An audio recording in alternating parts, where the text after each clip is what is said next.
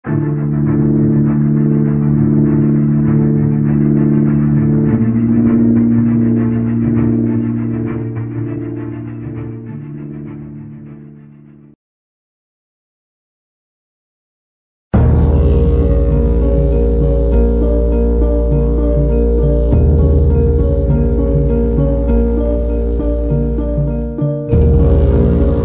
ketahui timbulnya kerajaan Kadiri tidak dapat dilepaskan dengan kebijakan air langga yang membagi wilayah Kauripan menjadi dua bagian.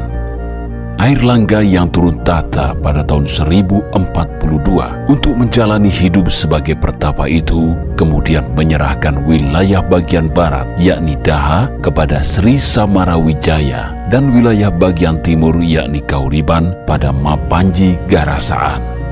Selanjutnya, pusat pemerintahan Daha berada di Kadiri, sementara pusat kerajaan Kauripan berada di Jenggala.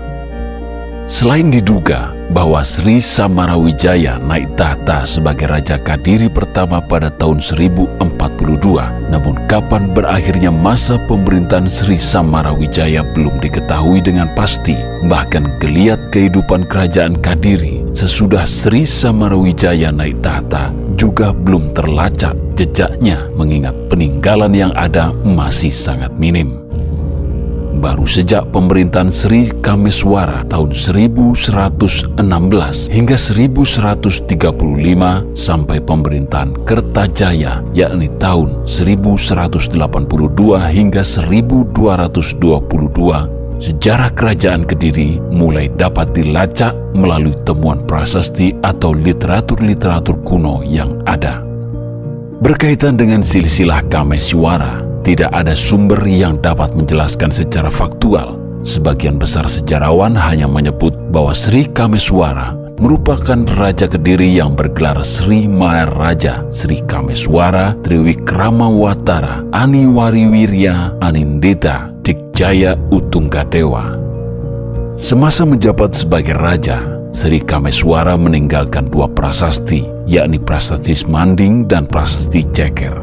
Namun jika menilik dari angka tahunnya, masih meragukan jika kedua prasasti itu dikeluarkan oleh Kameswara sendiri. Mengingat Kameswara turun tahta pada tahun 1135, sementara prasasti Semanding dikeluarkan pada tahun 1182 dan prasasti Ceker dikeluarkan pada tahun 1185. Ini merupakan tahun-tahun di mana Sri Kertajaya memerintah. Dugaan yang muncul kemudian adalah pendapat bahwa kedua prasasti tersebut dikeluarkan oleh Kertajaya, raja terakhir Kadiri yang berhasil ditundukkan oleh Ken Angro yang menggunakan gelar perang Batara Siwa pada tahun 1222. Di masa Kameswara inilah Kakawin Semaradahana ditulis oleh Empu Darmaja. Seperti kita ketahui, para empu sastra yang hidup semasa era kerajaan cenderung menggubah karya sebagai persembahan kepada rajanya. Dengan demikian bisa disimpulkan bahwa Empu Darmaja menggubah kakawin Semaradahana yang bernuansa romantik itu sebagai bukti persembahannya kepada Raja Sri Kameswara dan permaisurinya, yakni Sri Kirana. Sementara itu muncul juga suatu pendapat bahwa Sri Kameswara dan Sri Kirana menginspirasi lahirnya cerita Panji, terutama yang berkaitan dengan kisah cinta Panji Asmoro Bangun dan Dewi Condro Kirono. Kakawin Semaradahana mengisahkan tentang kelahiran Ganesa, dewa kerdil berkepala gajah yang merupakan putra Batara Siwa dan Batari Uma. Meski demikian, naskah kuno ini bukan hanya mengisahkan mengenai kelahiran Ganesa, namun juga menceritakan hubungan cinta antara Batara Kamajaya dan Kamarati.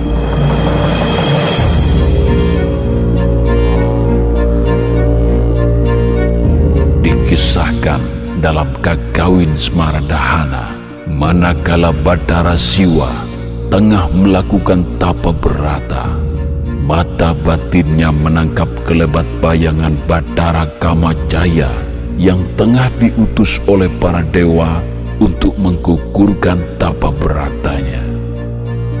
Karena tidak dapat digugurkan tapa berata siwa dengan cara halus, Kamajaya melepaskan panah pancawisesa, panah yang akan menggugah lima hasrat panca indera, yakni hasrat mendengar suara merdu atau menyayat hati, hasrat mengenyam makanan lezat, hasrat meraba sesuatu yang lembut, hasrat mencium aroma harum, dan hasrat memandang yang serba indah tertembus pancawisesa, Badara Siwa sontak rindu kepada permaisurinya, yakni Badara Uma. Namun sesudah Siwa mengetahui itu merupakan ulah Badara Kamajaya, maka ditataplah Kamajaya itu dengan mata ketiganya. Sontak terbakarlah tubuh Kamajaya menyaksikan Batara Kamajaya terbakar, Batari Kamarati melakukan bela pati dengan menceburkan diri ke dalam kobaran api yang membakar suaminya.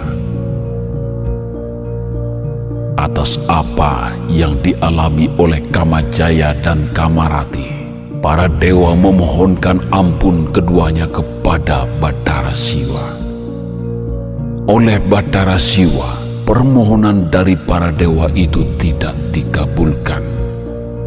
Bahkan melalui sabdanya, Batara Kamajaya dan Batari Kamarati diturunkan ke dunia. Mereka kemudian berinkarnasi menjadi manusia.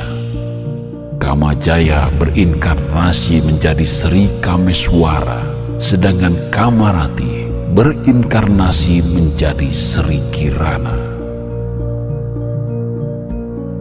Sewaktu duduk di samping Badari Uma, Siwa berhadapan oleh para dewa, salah satunya Batara Indra. Melihat gajah milik Batara Indra, Uma ketakutan. Kelak Uma yang tengah mengandung benih siwa itu melahirkan putra berkepala gajah. Dewa Kerdil berkepala gajah itu diberi nama Ganesha. Sesudah kelahiran Ganesha, kayangan kedatangan musuh berwujud raksasa bernama Nila Rudraka. Oleh para dewa, Ganesha dijadikan panglima perang untuk menghadapi Nila Rudraga. Sewaktu bertanding melawan Nila Rudraga, Ganesha yang masih kecil itu semakin dewasa dan sakti, hingga Nila Rudraga berhasil dibunuh oleh Ganesha. Tewasnya Nila Rudraga membuat seluruh kayangan bersuka cita.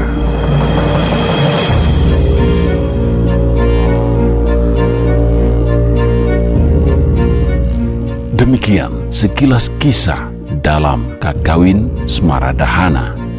Sedikit intermisu sebelum menutup bahasan ini bagi para pandemen atau subscriber yang belum tahu.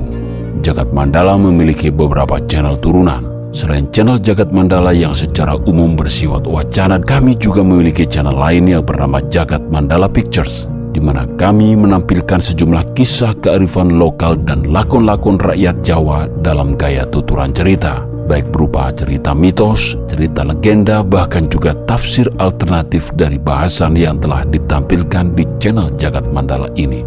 Di samping itu, ada juga channel Jagat Wayang yang juga menampilkan sekilas profil maupun lakon-lakon wayang dengan masih tetap menggunakan gaya tuturan cerita atau narasi. Ada pula channel yang membahas sejarah Pangeran Diponegoro di channel YouTube Kironi Sotewo. Demikian intermisu dari kami, sukses terus untuk Anda sekalian.